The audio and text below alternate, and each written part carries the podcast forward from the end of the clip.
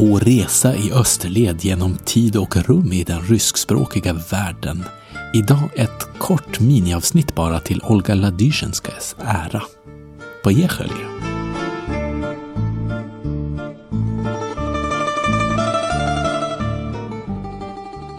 Mina historiska referenser eller litterära referenser i podcasten är ju som oftast just författare eller politiska historiska figurer som får vandra med mig sida vid sida när jag reser och tar mig från plats till plats. Ofta till platser där helst de har vistats eller där deras karaktärer har vistats eh, eller där de har vistats i tanken liksom, när de har förlagt sina berättelser dit, där jag har styrt mina resor.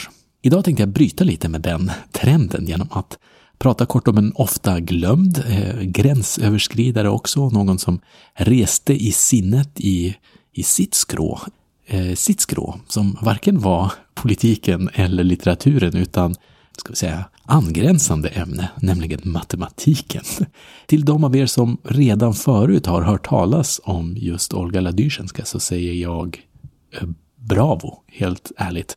Eh, det är förmodligen för att ni är, eh, är fysiker, kan jag tänka mig. Hon är vanligtvis en sån där fråga i Trivial Pursuit som man inte har någon aning om och, och alltså helt missar. Olga Alexandrovna Ladysjenska heter hon i alla fall.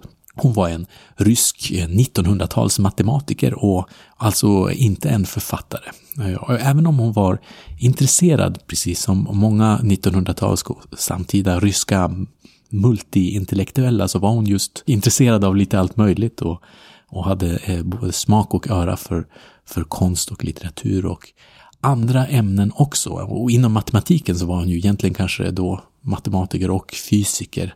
Eh, det är lite svåra gränsdragningar det där ibland. Men matematiken är ju också ehm, ett skrivande på sätt och vis, ett publicerande, ett, ett skapande. Det ligger kanske inte sådär äh, jättelångt från litteraturen som man tror.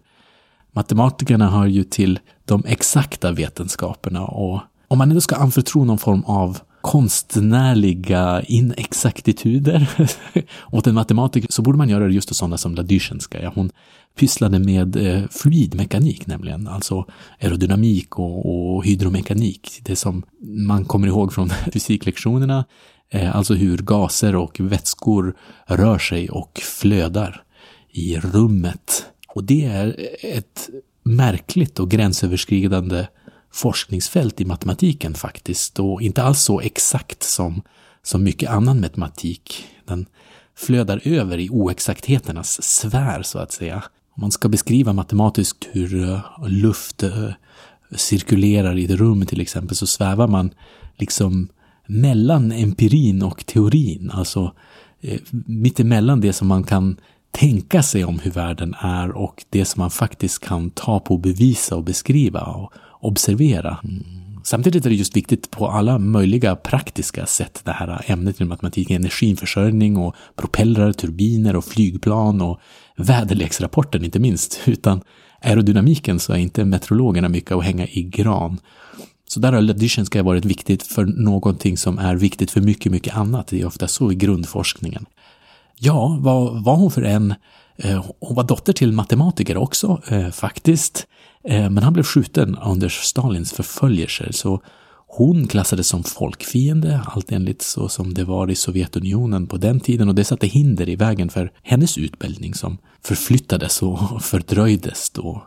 Hon var tvungen att ta sig fram och, och, och komma sig in på, på de platser där hon borde ha studerat tidigare genom irrvägar, men lyckades studera i Moskva och sen disputera i Leningrad. Och hon lyckades disputera innan Stalin dog eh, just, så det är ju en revansch på sätt och vis. Och sen under 50 och 60-talet så började en strålande karriär för henne inom sovjetisk matematik. Och eh, kul parentes här förresten ska jag säga att hon var vän, nära vän med Anna Akhmatova.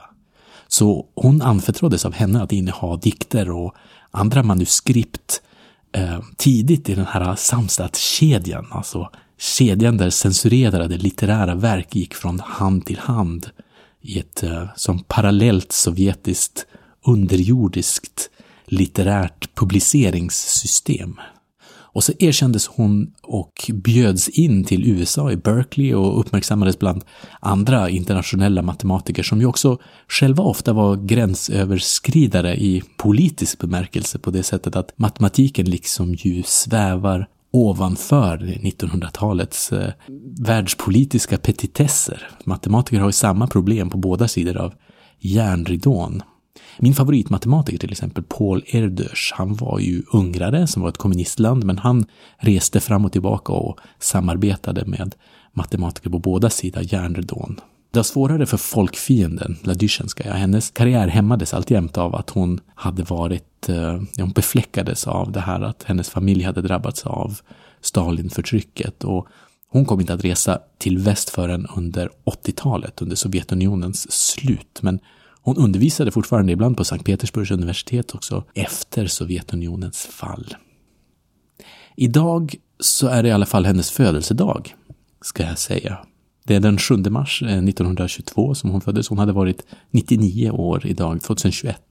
Den ryskspråkiga världen, eh, den är ju speciell i det att den fostrade en eh, mycket högt antal briljanta matematiker faktiskt. Det fanns ett högt matematiker per capita i Sovjetunionen.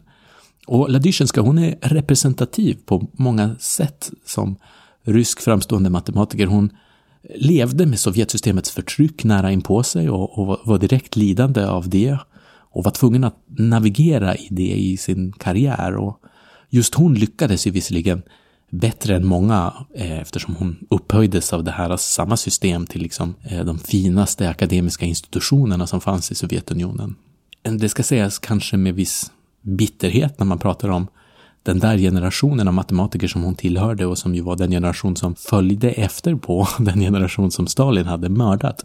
Att hon trots allt var del av de som bidrog till att föra fram de exakta vetenskaperna till den höga status som det kom att ha i Sovjetunionen och, och fortfarande har i Ryssland. Där matematiken liksom står högt i kurs. I diktaturer är förresten matematiken mindre subversiv än konsten. Det är inte liksom icke-kommunistiska ekvationslösningar som gör att man blir skjuten. Litteratören däremot eh, har svårare att navigera i, i förtryckande politiska system. Märkligt nog där så är ju Ryssland ett land som har förkärlek både för matematik och för litteratur. Det är oftare så, om man ska säga att ryska 14-åringar kan hjälpa svenska gymnasiestudenter med matteläxan, eh, inte tvärtom. Eh, den enda gång som jag har sett en man med skateboard eh, läsa Dostojevskij på en McDonalds, det var i Ryssland som förblir ett, ett läsande land. Ryssarna kan både sina klassiker och sin matematik alltså. Men det där är anekdotiska bevis där Ladysjenska hon hade gjort en invändning rent statistiskt eh, men kanske ändå som den multiintellektuella som hon var uppskattat, den, den filosofiskt lagda jämförelsen. Hoppas jag i alla fall. Nåväl, så är det med det. Slut nu på det här miniavsnittet om matematiken och strax återvänder jag till mitt vanliga resande i nästa avsnitt så blir det tillbaka till Kaukasus igen på riktigt, ja. Jag lovar. Men eh, håll till godo, eh, ha det fint och hörs snart. Paka paka.